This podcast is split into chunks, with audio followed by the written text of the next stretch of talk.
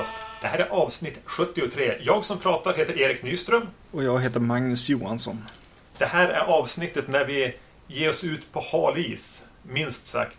Vad är det för filmer vi ska diskutera? Ja, precis. Eh, I det här avsnittet har vi gått in på att se lite anime som eh, inte kanske ligger oss så nära. Men vi ska se Satoshi Kons två filmer. Eh, Perfect Blue från 1997 och Paprika från 2006. Mm. Vad har du för relation till hela den här anime-genren? Konceptet med japansk tecknad film som inte nödvändigtvis vänder sig till barn. Jag känner lite grann att, att jag inte har en aning om vad jag pratar om och när jag uttrycker mig här. Eh, det blir lite så här, jag känner mig lite pinsam. Ja. Som en lärare som ska rappa ungefär. Just det. Ja, nej men jag, jag har väl sett en del och har försökt in på det här eh, lite då och då. Och eh, ja, jag vet inte. Ibland träffar det rätt och, och ibland inte. Men det är inget som jag har liksom djupdykt i så. Det finns några som är bra. Eh, Princess Mononoke är nog favoriten av, av filmer jag har sett. Och så har jag sett någon eh, serie som jag verkligen gillade också. Tv-serie som hette eh, Haibane Renmei. Var det den du visade något avsnitt för mig av? Eller? Jo, det, kanske, det kanske jag gjorde. Det här är ganska många år sedan. Ja, det handlar om, om ungdomar som eh, får typ änglavingar och bor i något eh, slags eh, inhägnat eh, område.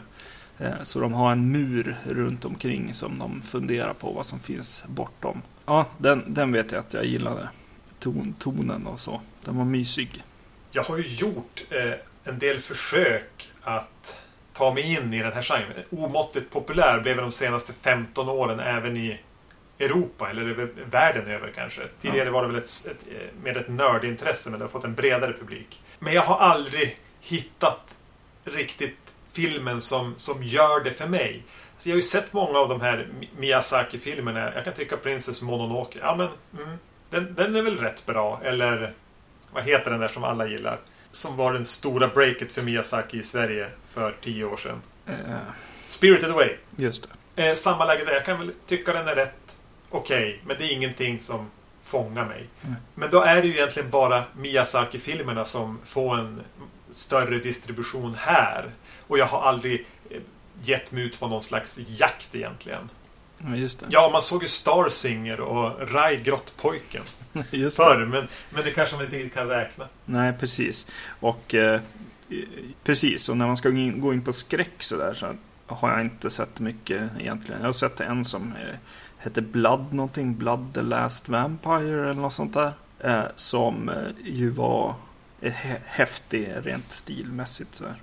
Snygg. Jag vet inte riktigt varifrån idén kom att vi skulle göra det anime-skräckavsnittet. Men när jag fick tanken i huvudet så började jag försöka googla lite grann och, och här, hitta topplistor på de bästa skräckfilmerna inom anime. Men det var väldigt mycket serier som dök upp då. Mm. Eh, jag vet inte om det är så att det görs mer serier än, än filmer inom, inom anime. Det här är sånt här som visar exakt hur lite jag kan om genren. Mm. Eh, så det jag gjorde var att jag tog kontakt med en eh, som brukar skriva i forumet vi har på Filmfenix. Skickade ett meddelande eftersom jag visste att, att han är ganska insatt i, i genren och frågade liksom, vilka skräckfilmer finns det? Och då fick jag tips på bland annat de här två. Just det. Och någon till. till. Mm. Eh, sen visste väl inte jag att det var samma regissör faktiskt. Nej, precis. Det blev ju bara så. Kändes det som för oss båda. Eh, och det vi kan konstatera om Satoshi Kon är att han dog för några år sedan. Eh, han blev inte ens 50 år gammal. Han fick någon elakartad cancer. Mm. Och det har även då märkt att en av de här få anime-filmerna som jag har sett som inte är Miyazaki eh, som heter Tokyo Godfathers mm. också är en av hans, kanske är hans mest kända. Ja, Den har jag faktiskt till och med skrivit en recension på för något år sedan. Mm. Av någon anledning.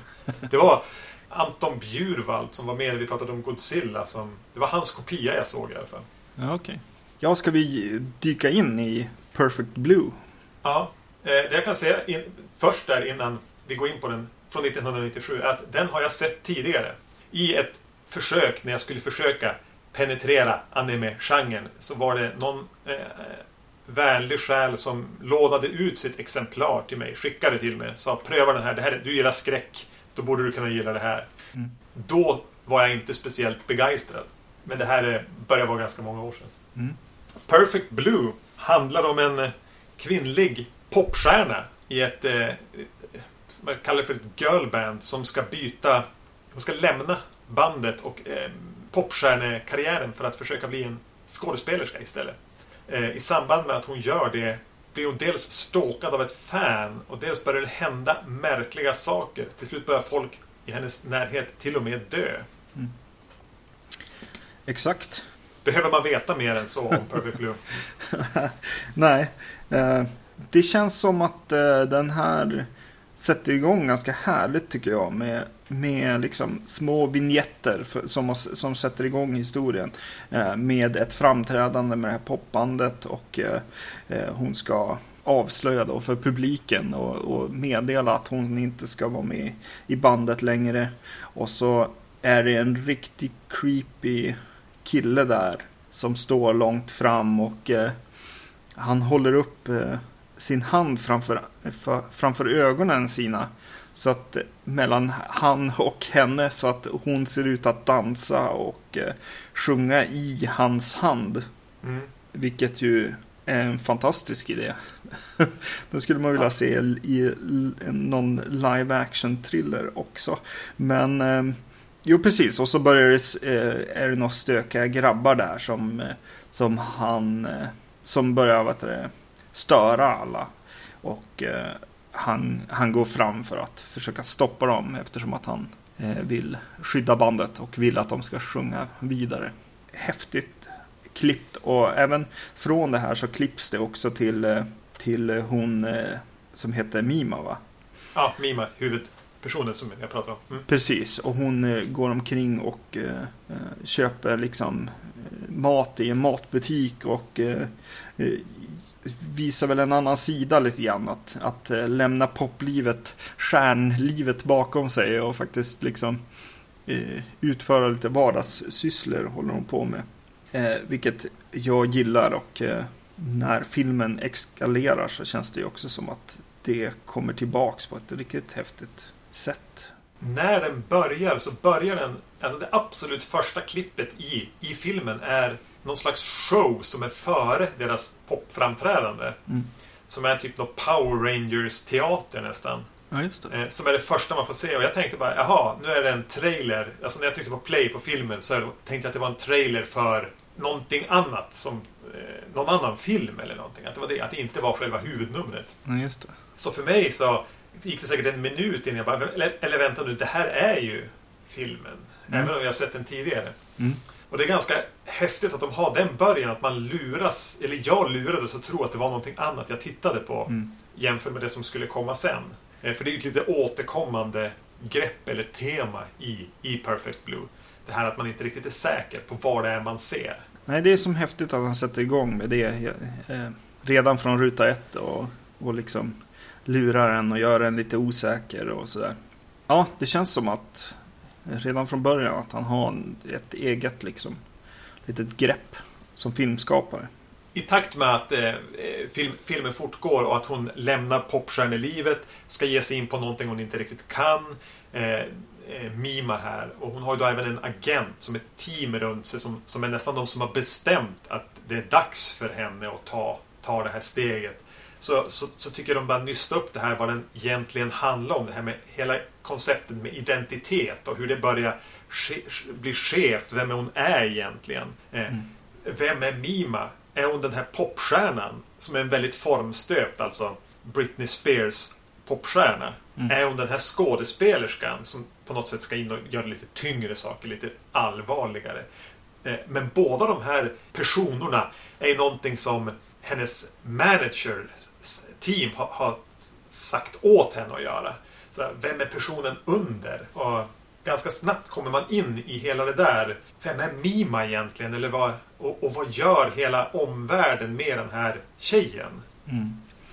Precis, och det finns ju en, en tredje aspekt där i, när, som presenteras på ett otroligt häftigt sätt. Eh, I, hon går genom en folkmassa och ska in i en, eh, in i en bil eh, från någon slags konsert eller vad hon har varit på, en premiär kanske. Och då är det någon i publiken som säger I'm always watching Mimas room. Vilket är något riktigt läskigt som bara dyker, alltså man hör det liksom i, i folkvimlet. Och eh, ja, det blir så, så jäkla skönt för då blir det verkligen, vem är det som tittar i mitt rum liksom? Och sen visar det ju senare, sig senare då att eh, det är, finns en hemsida om henne som, eh, som någon har döpt till Mimas Room. Där ändå en tredje bild av henne framhävs. Ja, hon har ju nästan fått sin identitet stulen lite grann där. Alltså att det är någon som skriver den där hemsidan lite ur ett jag-perspektiv också. Precis. Eh, och, och, någon som, som definitivt verkar veta alla hennes drag och rörelser. Liksom.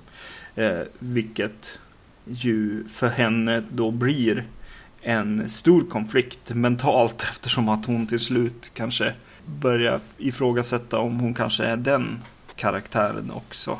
Mm. Och sen då för att lägga på ytterligare ett, ett, ett lager med, med det här med, med, karaktärer och identiteter och persona. Så är hon ju skådespelerska mm. och är med i en, vad som verkar vara någon tv-serie där hon ska få en li, lite större roll. Mm. Eh, så hon spelar ju då även en karaktär i den här tv-serien. Just det, precis. Eh, och, och, och, och, de använder ju det här samspelet hela tiden. Att hoppa mellan popstjärnan, mellan skådespelerskan, mellan den här internetidentiteten, mellan en karaktär i filmen. Eh, och tanken är att man ska börja frågasätta vad, vem är hon egentligen? Eller, och vill man lyfta upp det ännu högre så kan man ju se på, på sig själv också. Liksom. Att, men, omvärldens förväntningar på en, den man är. Den man själv tänker att man är. Den man själv tänker att man vill vara. Mm. Eh, när man går in i en yrkesroll, vad man gör då. Eh, det, blir ett, det finns Satoshi Kon här pratar väldigt mycket om det här. Och det är ju väldigt tacksamt att använda på film. Ja, det är det verkligen, tycker jag. Eh, jag hade inte sett den här filmen, men eh, kände att jag följde med liksom in i det här eh, infernot hon, hon eh, kommer in i och eh, tycker mig till slut att det här är en ganska bra film ändå. Eh, det är snyggt eh, använt allting, känns det som. Eller ihopsytt på något sätt. Och det är en riktigt bra film om just stalkers och kändisskap och sånt. Och, och liksom vem, vem är man och, och sånt.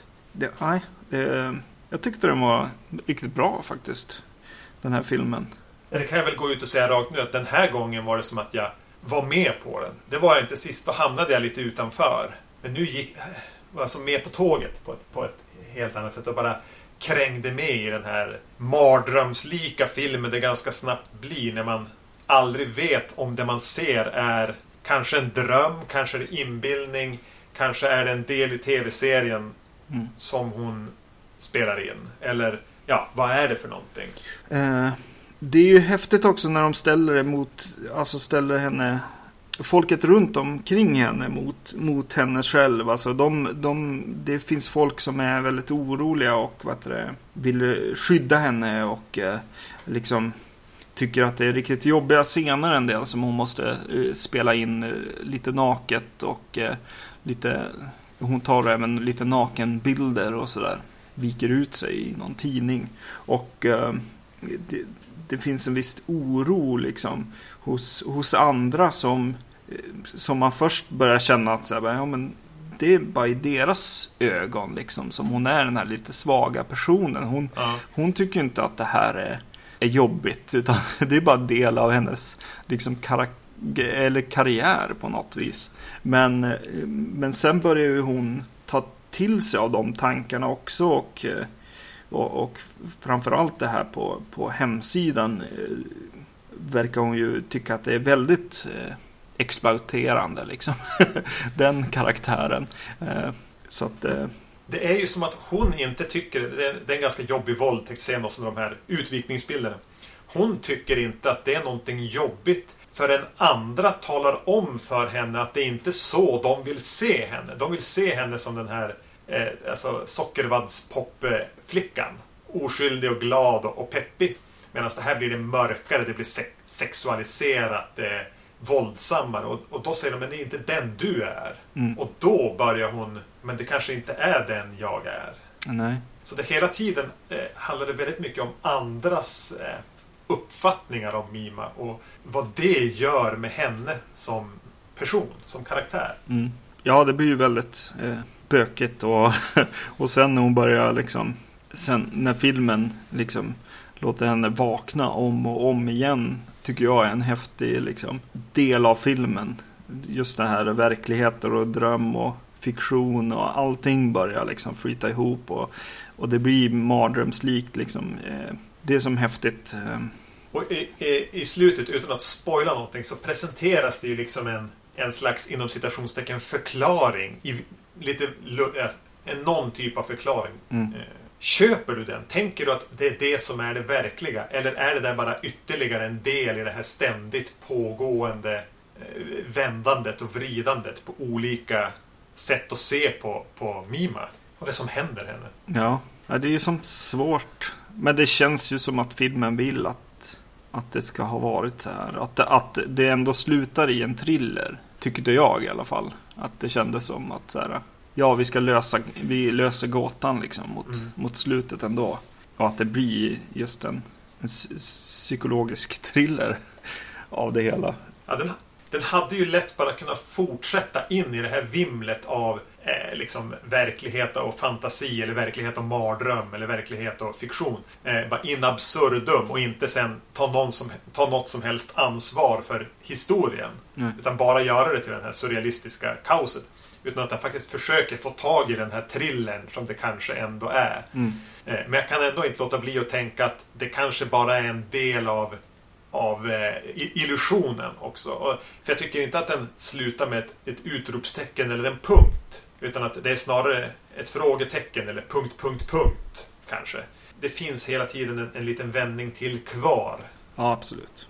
Jo, det gör det Har du hört någonting om Black Swan och den här filmen? Ja, jo. Darren Aronofsky har väl sagt att han eh, var inspirerad av den här när han skrev Black Swan. Mm. Och det, det, det, det, känns ju. Ja, precis. Man känner ju av det. Det, det gör man ju definitivt. Och, och under den här filmen, så, när jag satt och såg den, så, så blev jag nyfiken på vad den skulle vara. Om den hade varit live action också. Eh, men det kanske han har svarat på egentligen. Eh, på ett sätt. Eh. Black Swan är ju enklare. Alltså, den är ju rakare. Den är ju mer en paranoia-thriller. Ja, precis. en bra paranoia-thriller. Mm. som handlar rätt mycket om prestationsångest. Mm. Eh, och det finns ju här också. Jo, det gör det ju verkligen. I att eh, det, det, det, är ju en ganska hemsk scen. Eller eh, scen, eller ja. Hon lämnar ju det här popbandet då. Sham, eller vad de heter. Mm. För, och hon är ju den stora stjärnan. Hon är ju den alla vill se. Men hon lämnar det bandet för att satsa på sin skådespelarkarriär. De fortsätter som duo. Mm. Och det går, en, det går bättre för dem då. Just det. Eh, och det är ganska... O, alltså, man ser hur det påverkar henne. Alltså att det var inte riktigt det hon hade tänkt. Nej. Eh, visst, hon är som å ena sidan glad för deras skull, men å andra sidan blir det jobbigt för dem. ja, precis. Och särskilt om det hennes karriär är att hon ska in i, ett, i en, ett yrke som hon inte kan sen tidigare och hela tiden måste känna att hon är en nybörjare med de här rutinerade skådespelarna. Ja, precis. Som måste jobba sig uppåt. Mm. Uh, mm. Nej, men precis. Ganska, eh, ganska bra film. Jag vet, jag vet inte. Det är ju ingen så här jag, jag tänker inte kalla det ett mästerverk. Men eh, det blir någon slags blandning av kanske ja, men Black Swan, Inland Empire lite grann. Eh, och eh, lite får jag eh, Dario Argento-vibbar också. Ja, den spelas ju ganska mycket som en giallo. Eh, ja. Det tänkte jag på. Hela det här, för det, det, det är ju folk som blir mördade. Mm. Eh, några av de morden är väldigt gialloiga. De skulle kunna vara en, hämtade från opera eller någonting. Alltså i sättet de är genomförda. Precis. Ja. Sen ligger ju hela mordmysteriet är ju nedtonat. Men det är ju, ja precis. Det blir ju som hemskt att följa den här karaktären just när det händer grejer och det kommer brevbomber och grejer. Och, ja, just när hon ska in och göra sin första replik så öppnar en av hennes eh Eh, managers hennes egna post och, eh, och eh, blir skadad av någon slags bomb. Det är svårt att se de här animefilmerna när de ritar blod och sånt här. För det är en, han blir ju bara skadad. Men jag tänkte bara, herregud, han blev sprängd i tusen bitar och blöder ju ihjäl här. Och så säger han som bara, nej men det är okej. Okay. Nej, det är det inte. Det är svårt att se hur illa där någon faktiskt är. Sen kan någon, alltså, blir de huggen med en kniv eller någonting? Ja, ja men det där, det där dog de ju. Nej, men de springer vidare. Ja, precis. Alltså det är svårt att avgöra eh, skadenivån i animefilmer. Ja, precis. Jo, definitivt. Uh, ja, nej, det verkar som att de vill överdriva det lite grann. Jag vet inte. Uh, men det är som häftigt också. Jag, jag gillar också att det är liksom riktiga karaktärer. Det är inte så... Alltså, det är inte överdesignade karaktärer. Utan det är ganska mänskliga liksom, utseenden. Liksom, proportioner. Mm. Som är ganska skönt. Det blir ju verkligen bara, bara en thriller samtidigt. Liksom. Eh, det här eh, tecknade skiktet behövs inte helt och hållet. Liksom. Precis som jag tyckte att när jag såg eh, Matrix för första gången. Att så här bara, ja, men det här har, man, har vi ju sett i Ghost in the Shell och, och sådana filmer. Liksom. Det är någonting som gör att, att gränsen mellan liksom, live action och, och eh, animerad film inte är så himla stor egentligen i de här fallen. Nej, det här är ju ganska avskalad. Den mm. lever inte så mycket på att den är tecknad. Men vad tyckte du om den visuella stilen på den? Den är ju ganska kantig på ett sätt, så den är ju inte svindlande. Nej, eh, nej men jag gillade det. Alltså, jo, jag gillar det nog. Men dock så blev jag lite konfunderad över om man ska vara lite mer teknisk så kan jag tycka att vet du, den Blu-ray som jag hade köpt eh, inte liksom höll måttet. Utan det var verkligen, ja den här scenen är lite lägre upplösning och suddig och konstig. Och sen är det jätteskarpt i nästa. Och, eh, det, det irriterade mig lite när jag såg filmen. Det var, det var väldigt synd faktiskt. Du såg den alltså på din duken? Ja, precis. En visuell finess som jag ändå gillade, som jag vill, som jag vill nämna som gillade, eh, är ju den här Mimas börjar ju hallucinera egentligen sin, sitt, sitt före detta popstjärne-alter ego. Ja, just det. Eh, som hon har dialoger med och som dyker upp och eh, ser hon i speglar ibland. Och på, väldigt mycket som i Black Swan egentligen. Ja. Och hur den ser ut och, och finns och, har, och hoppar fram hela tiden. Just det. Mm. Så, nästan som en fe eller någonting. Tar väldigt långa jämfota skutt. Ja. Eh, det, är en, det, är en, ah, det var en schysst visuell gimmick med filmen som jag tyckte blev en härlig krydda. Mm. Eh, framförallt mot sista 20 minuterna. Ja, precis. Och det är ganska härligt att den bara, bara är DS, liksom skutt och så. Nästan wirework, liksom. Ja. Eh, grejen egentligen. Att eh, det här skulle ju eh, också kunna vara live action grejer egentligen. Men, men det får vara det liksom övernaturliga eller för på, på på tecknat kan man ju göra vad som helst känns det ju som. Men de håller det till att vara liksom en, en thriller som man kan också göra i, i live action. Vilket kanske gör den mer på allvar eller på, på riktigt på något sätt. Eh, man kanske känner lite mer för karaktärerna i, i en sån här film kanske. Ja, särskilt för en som mig eller kanske även för dig då, som är ja. med som till 99,9% ser live action filmer och ha det som en slags referensram eh, så är ju det här lätt, lättare att ta till sig. Mm. Det blir ingen, ingen nivå man ska över där allting kan hända för att det är tecknat. Nej, eh, och jag tycker definitivt att det även bidrar till att göra den mörkare. Ja, jo, alltså absolut. Den, den, har ju ett ganska jordat mörker i sig. Med, och musiken med så här Ice White Shut piano och ja, bara hopplösheten. Ja. Den gör ju till en jävligt pessimistisk thriller. Jo, absolut. Och det låter ju som att vi gillar den ganska, ganska mycket båda två. Ja, jo, absolut. Utan att kanske trilla av stolen. Ja. Nej, men jag, eh, man ska absolut se Perfect Blue ändå. Och som inkörsport till, till anime eh, måste den ju vara om man kommer från våran bakgrund, som jag tänker att ganska många av våra lyssnare gör. De är förmodligen mycket mer erfarna inom anime-genren än vad vi är. Så är det här en bra startpunkt. Ja, det håller jag med om. 2006 gjorde då alltså Satoshi Kon Paprika, eller Papurika. Aj, aj. Finns japanska som språk? Eller hittar de bara på det själva? Eh, jag noll kunskap om det språket. Ja. Men filmer som jag känner till som är japanska, låt, den japanska titeln låter ju bara som de har skojat lite med den internationella. Mm. Ja, men som House, som vi såg tidigare, som heter Hausu. Mm. Eh, The eh, Ringu. Mm. Den heter Papurika. Och även eh, Perfect Blue heter ju typ Perufuku Buru. Alltså det, det låter som att de bara har skojat med Alltså som att sen låtsas japanska. Ja. Det kan säkert finnas en, en bra förklaring på det. Men utifrån den lilla erfarenhet jag har av språket så är det ju i princip som engelska. Precis. Ja, eh, vi ska inte fördjupa oss i några lingvistiska Nej. eh, dumheter. Ja. Eh, Paprika handlar... Eh, det är väl eh, en science fiction Mm. thriller. Eh, I en inte alltför avlägsen framtid har forskare uppfunnit ett sätt att spela in och eh, gå in i våra drömmar. Eh, som man tänker att man ska kunna använda när man eh, bearbetar trauman eller går i, i terapi. Mm. En av de här eh, en sån här apparat om du använder blir stulen och används till något det inte riktigt är tänkt att man ska använda den till. Vilket kan få sådana konsekvenser att det kan betyda slutet för världen vi lever i. När dröm och verklighet snärjs ihop. Den enda som då kanske kan rädda världen är denna Paprika. Som är en ung eh, psykoterapeut och tillika forskare.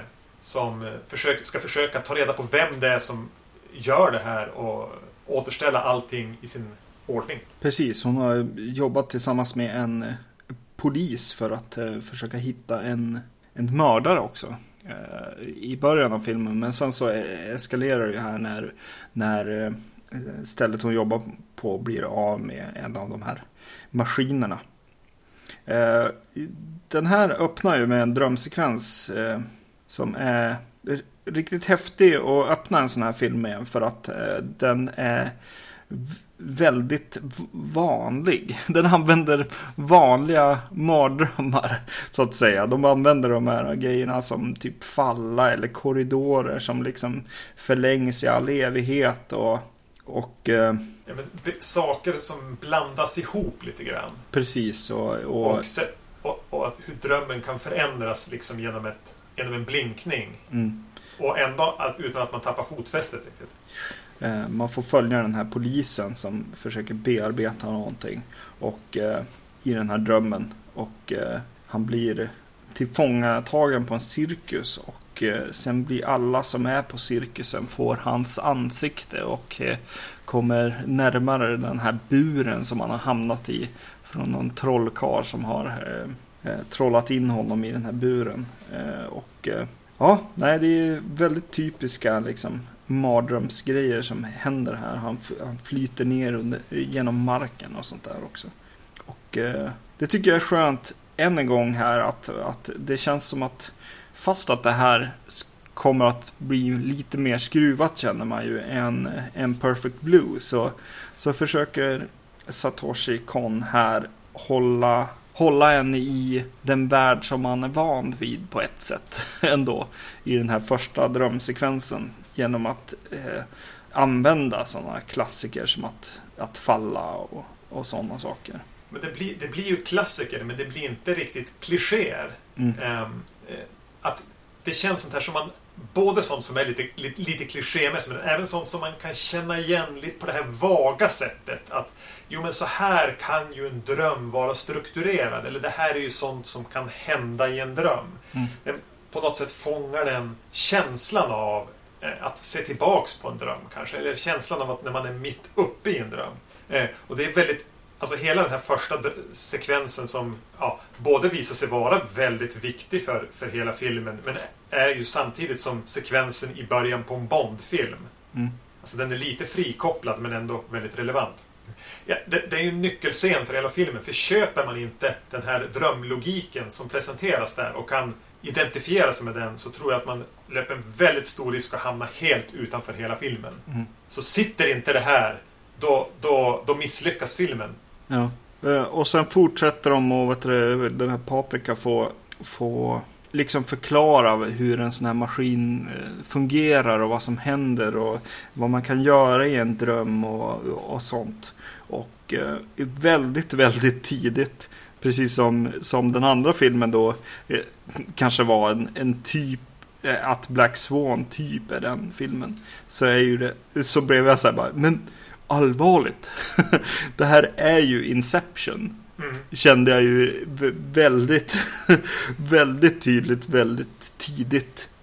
Den tar andra, andra vägar sen, men, men jäklar alltså vad det var. vad det slog mig att eh, liksom Christopher Nolan eh, lär ju ha sett den här, inte bara en gång, kände jag Nej. tidigt. Eh, det är ju ja, men det är hela grejen med team och med tidigare trauman och sättet att använda det som så här, plot devices. Jag tänkte även på den här The Cell. Ja, just det. Mm. Var det Jennifer Lopez där de också går in i, i, en, i drömmar och det undermedvetna på någon eh, seriemördare för att hitta vart han har gömt en, sitt Mm. sista offer. Eller, eh, tänkte jag också på. Den är ju då faktiskt före den här. Just det. Eh, mm. Ja, det var ju vissa bilder så här där, i korridoren och så. Det var en, är något, något eh, offer där som han, polisen försöker lösa hans mord helt enkelt.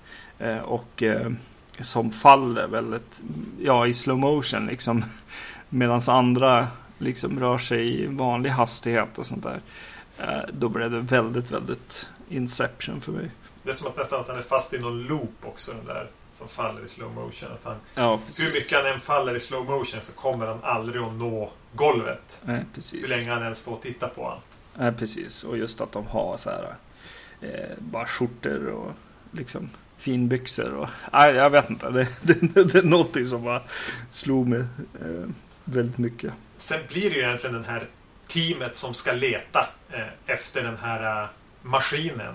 Mm. Eh, och ganska snabbt får de upp spåret efter någon, en tidigare teammedlem. Eller en tidig med, medforskare tror de kan ha någonting med det här att göra. Mm. Så de, så de ska som nysta sig igenom och försöka hitta, både med hjälp av att gå in i drömmar och eh, ja, vanligt hederligt detektivarbete. Eh, men det, det, det, den här var ju inte riktigt färdig. De är inte riktigt färdiga med utvecklingen av den här maskinen. Så det, det den som har stulen den verkar använda är att den personer som har använt den är påverkade av den. Mm. Så att de kan gå in och påverka deras drömmar även i vaket tillstånd. Ja. Ungefär så. Det är ganska, det är ganska luddigt och diffust. Vilket ju gör att man verkligen så här river ner alla, alla regler för, för en film.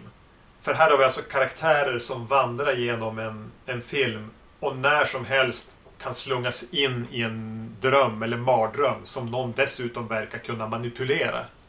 Vilket man ju känner igen lite grann från Perfect Blue. Är, är den, vad är verkligt och inte? Och det är samma, samma ständiga bollande man, man tvingas till här. Är, vad är dröm? Vad är verklighet? Vad är, är, är drömmen mindre verkligt än verkligheten? Mm. Eftersom vi ändå upplever dem. Det blir de frågorna igen. ja, precis. Den här filmen är ju betydligt ja, senare.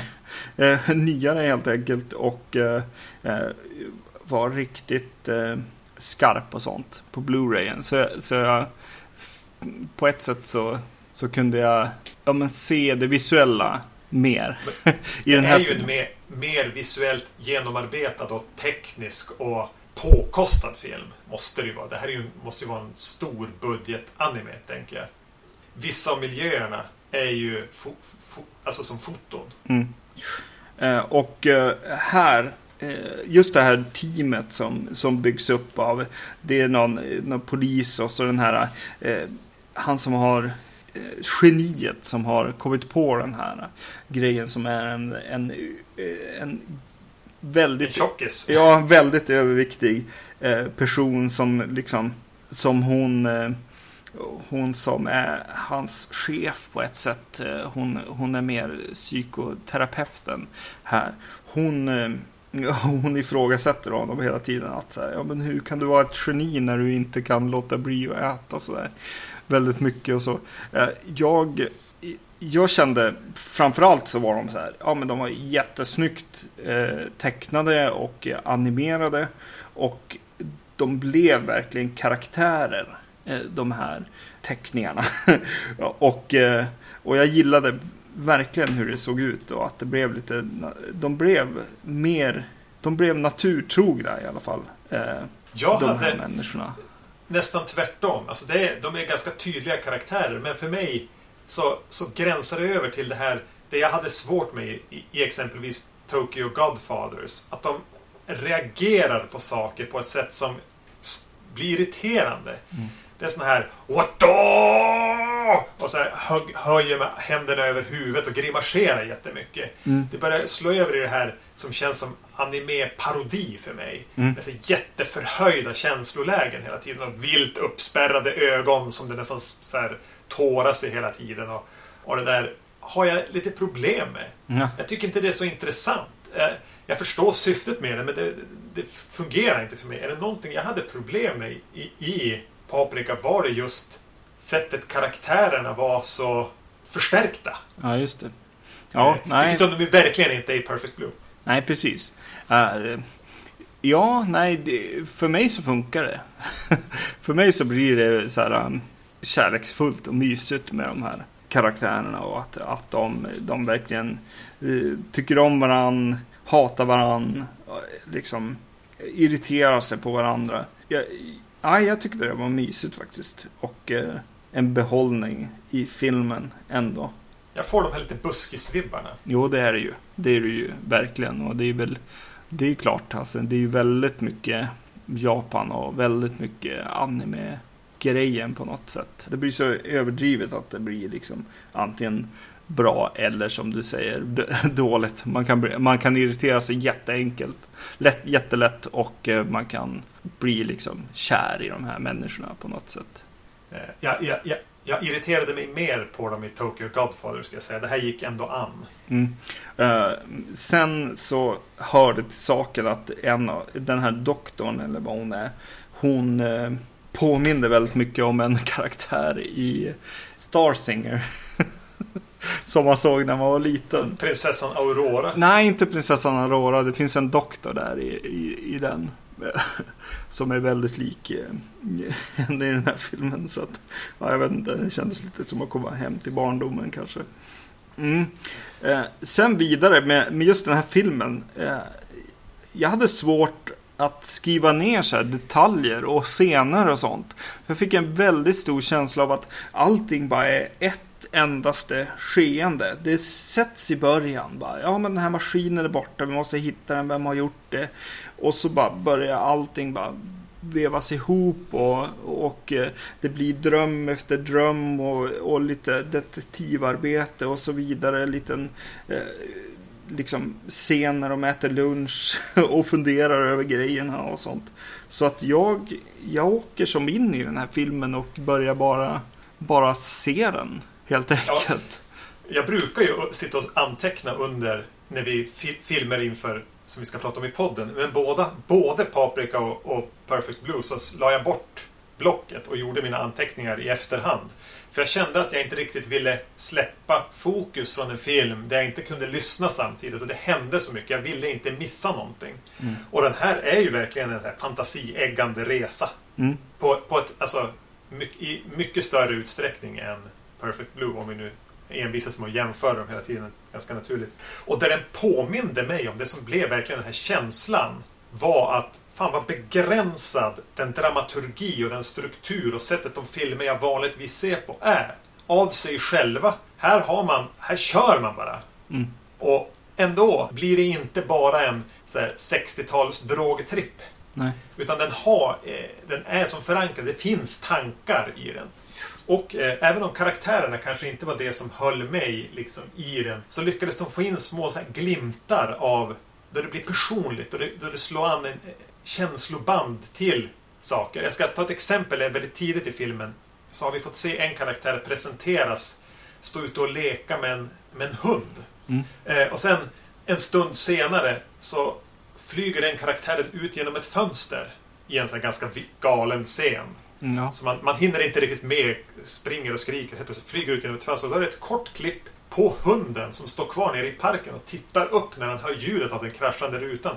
Som påminner en om, vänta nu, det här är ju husse liksom. Mm. Alltså att den kan göra de här små nedslagen i, i en känslomässig förankring. Alltså att man, oj, nej men gud, vad hemskt. Det här spelar ju faktiskt ändå roll. Ja. Ja. Men det som med så det är en fantasiägare, en galenskap med, med, med drömlogik och drömfilosofier. Men den har en av de mest fantastiska skapelserna någonsin på film. Nu kanske jag tar i med väldigt stora ord. Men det är den här förbannade dårparaden. Ja. Ja, men den här musiken som spelas då har ju i princip drivit mig till vansinne efter det. Ja. Jag kan få den i huvudet. Och det är som en svårbeskriven musik. Jag tänker att vi kanske kan spela den i slutet på avsnittet. Mm.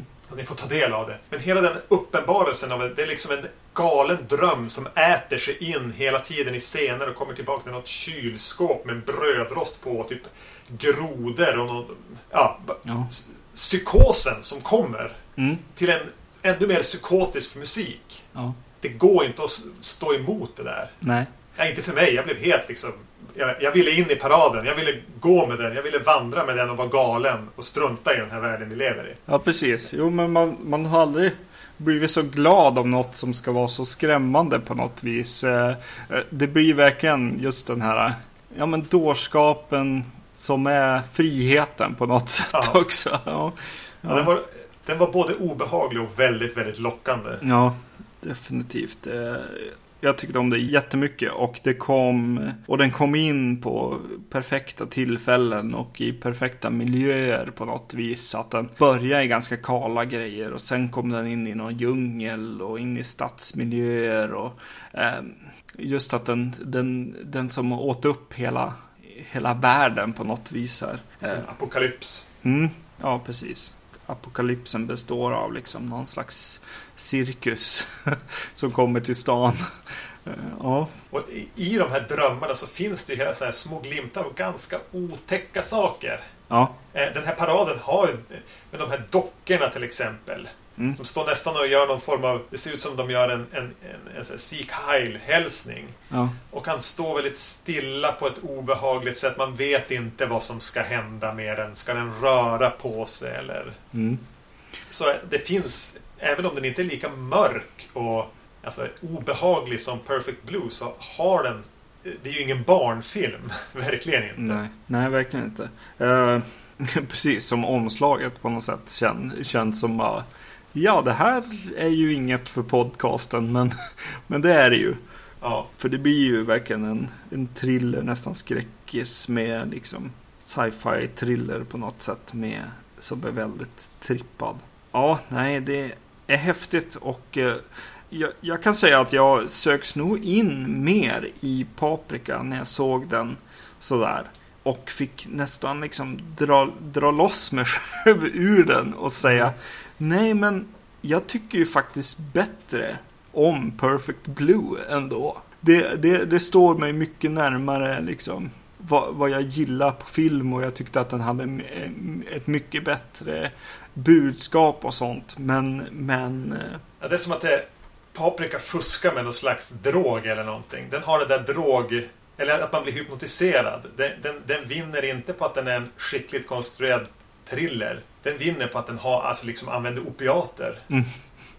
ja, Eh, För den, jag får lite de här David Lynch-vibbarna som han kan i sina bästa stunder när den nästan, som jag har sagt i några av de tidigare avsnitten när vi har pratat om Lynch-filmer.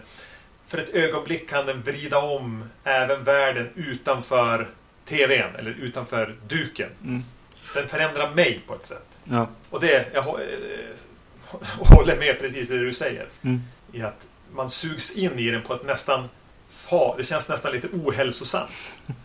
ja. Eh, och det är ju en film som är i en genre som jag inte riktigt gillar heller på något sätt. Så ja, bland så här eh, existentiella liksom sci-fi liksom thrillers så känns det ju som att ja, bland det bättre definitivt. Ja, alltså det känns ju lite patetiskt att bara, ja men, se den här och sen ser du Inception. Ja, precis. Och Christopher Nolan kommer framstå som så jävla tråkig och fantasilös. Och Exakt. väldigt begränsad. precis så kände jag också. Att här, okej, sen kommer Inception, försökte, men ja, det blir ju inte, det blir inte paprika. Nej, men det, blir, det, det visar ju egentligen man, man tycker nästan lite synd om, om Christopher Nolan som har sett Paprika och gillar det och tänker att det här ska jag göra. Men han har ju inte fattat någonting. Nej. Det är bra. Mm. Eh, Men som sagt, för att avrunda på ett sätt så, ja precis, än en gång så, så skulle jag rekommendera ändå Perfect Blue över Paprika om vi så, ska ha en sån eh, podcast som sätter filmer mot varandra. Eh, Ja, med tanke på att jag har gjort det hela tiden i den här, jämfört i varenda mening jag sagt. precis. Precis. Men jag tycker att man ska se båda de här filmerna ändå. Ja, absolut. Det var riktigt roligt för mig den här gången att få se två animefilmer som jag gillade. Eh, mer än vad jag någonsin har gillat eh, men, eh, någon av Miyazakis filmer. Mm. För mig blir det här några steg bort från fantasy eller det här lite sagolandet som inte jag är så förtjust i. Det här är vuxnare, det är mörkare, elakare, Mm. mer förbjudet. Ja, precis. Det blir inte bara en hyllning till filmer utan Satoshi Kon bör undersökas mer kanske. Och eh, det kommer jag nog göra också. I alla fall kolla vad han har gjort.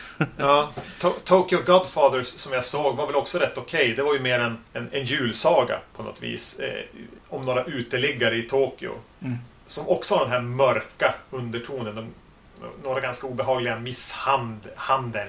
Mm. Heter det? Fall av misshandel Ja. i den. Och, och samtidigt som den är väldigt sentimental. Men ändå sevärd. Men i, inte i närheten av lika intressant och medryckande som, som de här två var. Just det. Mm. Så i nästa avsnitt så har du bestämt att vi ska se Night of the Living Dead. Jajamän, nu är det dags. Precis. Och eh, vi ska se någonting till den här. Ja, jag vet inte riktigt vad. Eller vet vi det? Nej, vi vet inte riktigt. Jag tänker att eh, George Romero ska få bli lite som John Carpenter. Att han återkommer lite grann. Eh, lite lösryckt sådär. Eh, snarare än eh, att vi gör ett tema av, eh, av hans filmer. Det naturliga vore väl kanske att göra Night of the Living Dead, liksom trilogin sådär. Ja, men jag känner också så att bara prata om Dawn of the Dead. Alltså det, det känns som att allting är sagt om den. Mm. Eh, och även Day of the Dead. Det, det får i sådana fall bli långt in i framtiden. ja, precis. Ehm, precis. Så... Jag fick en, fick en tanke om att man bara slänger dit någonting vad som helst. Eller så tar vi någon, någon zombiefilm. Eller... Mm. Ja, vi vet inte som sagt Nej, var, precis. vart vi landar där. Eh, Det jag pratade om var att göra Martin tillsammans med Night of the Living Dead. eh. Men då blir det ju lite, lite det här att eh, det blir ett regissörstema. Ja, då känns det som att vi har gjort Romero.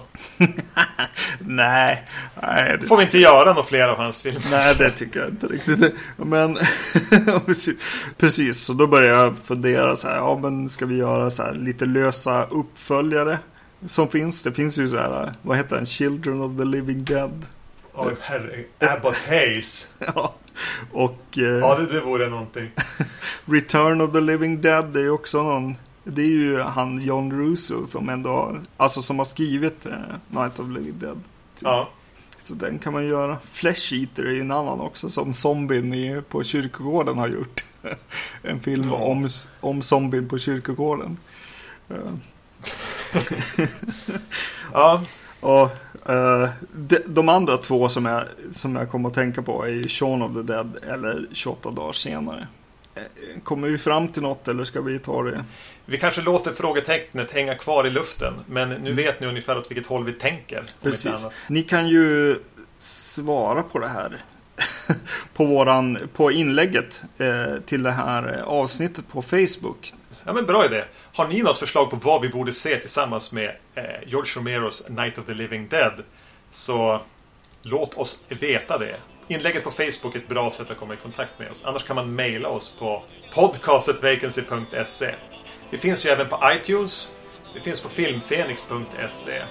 Ja, ja men då hörs vi. Det gör vi. Tack och hej! Hej.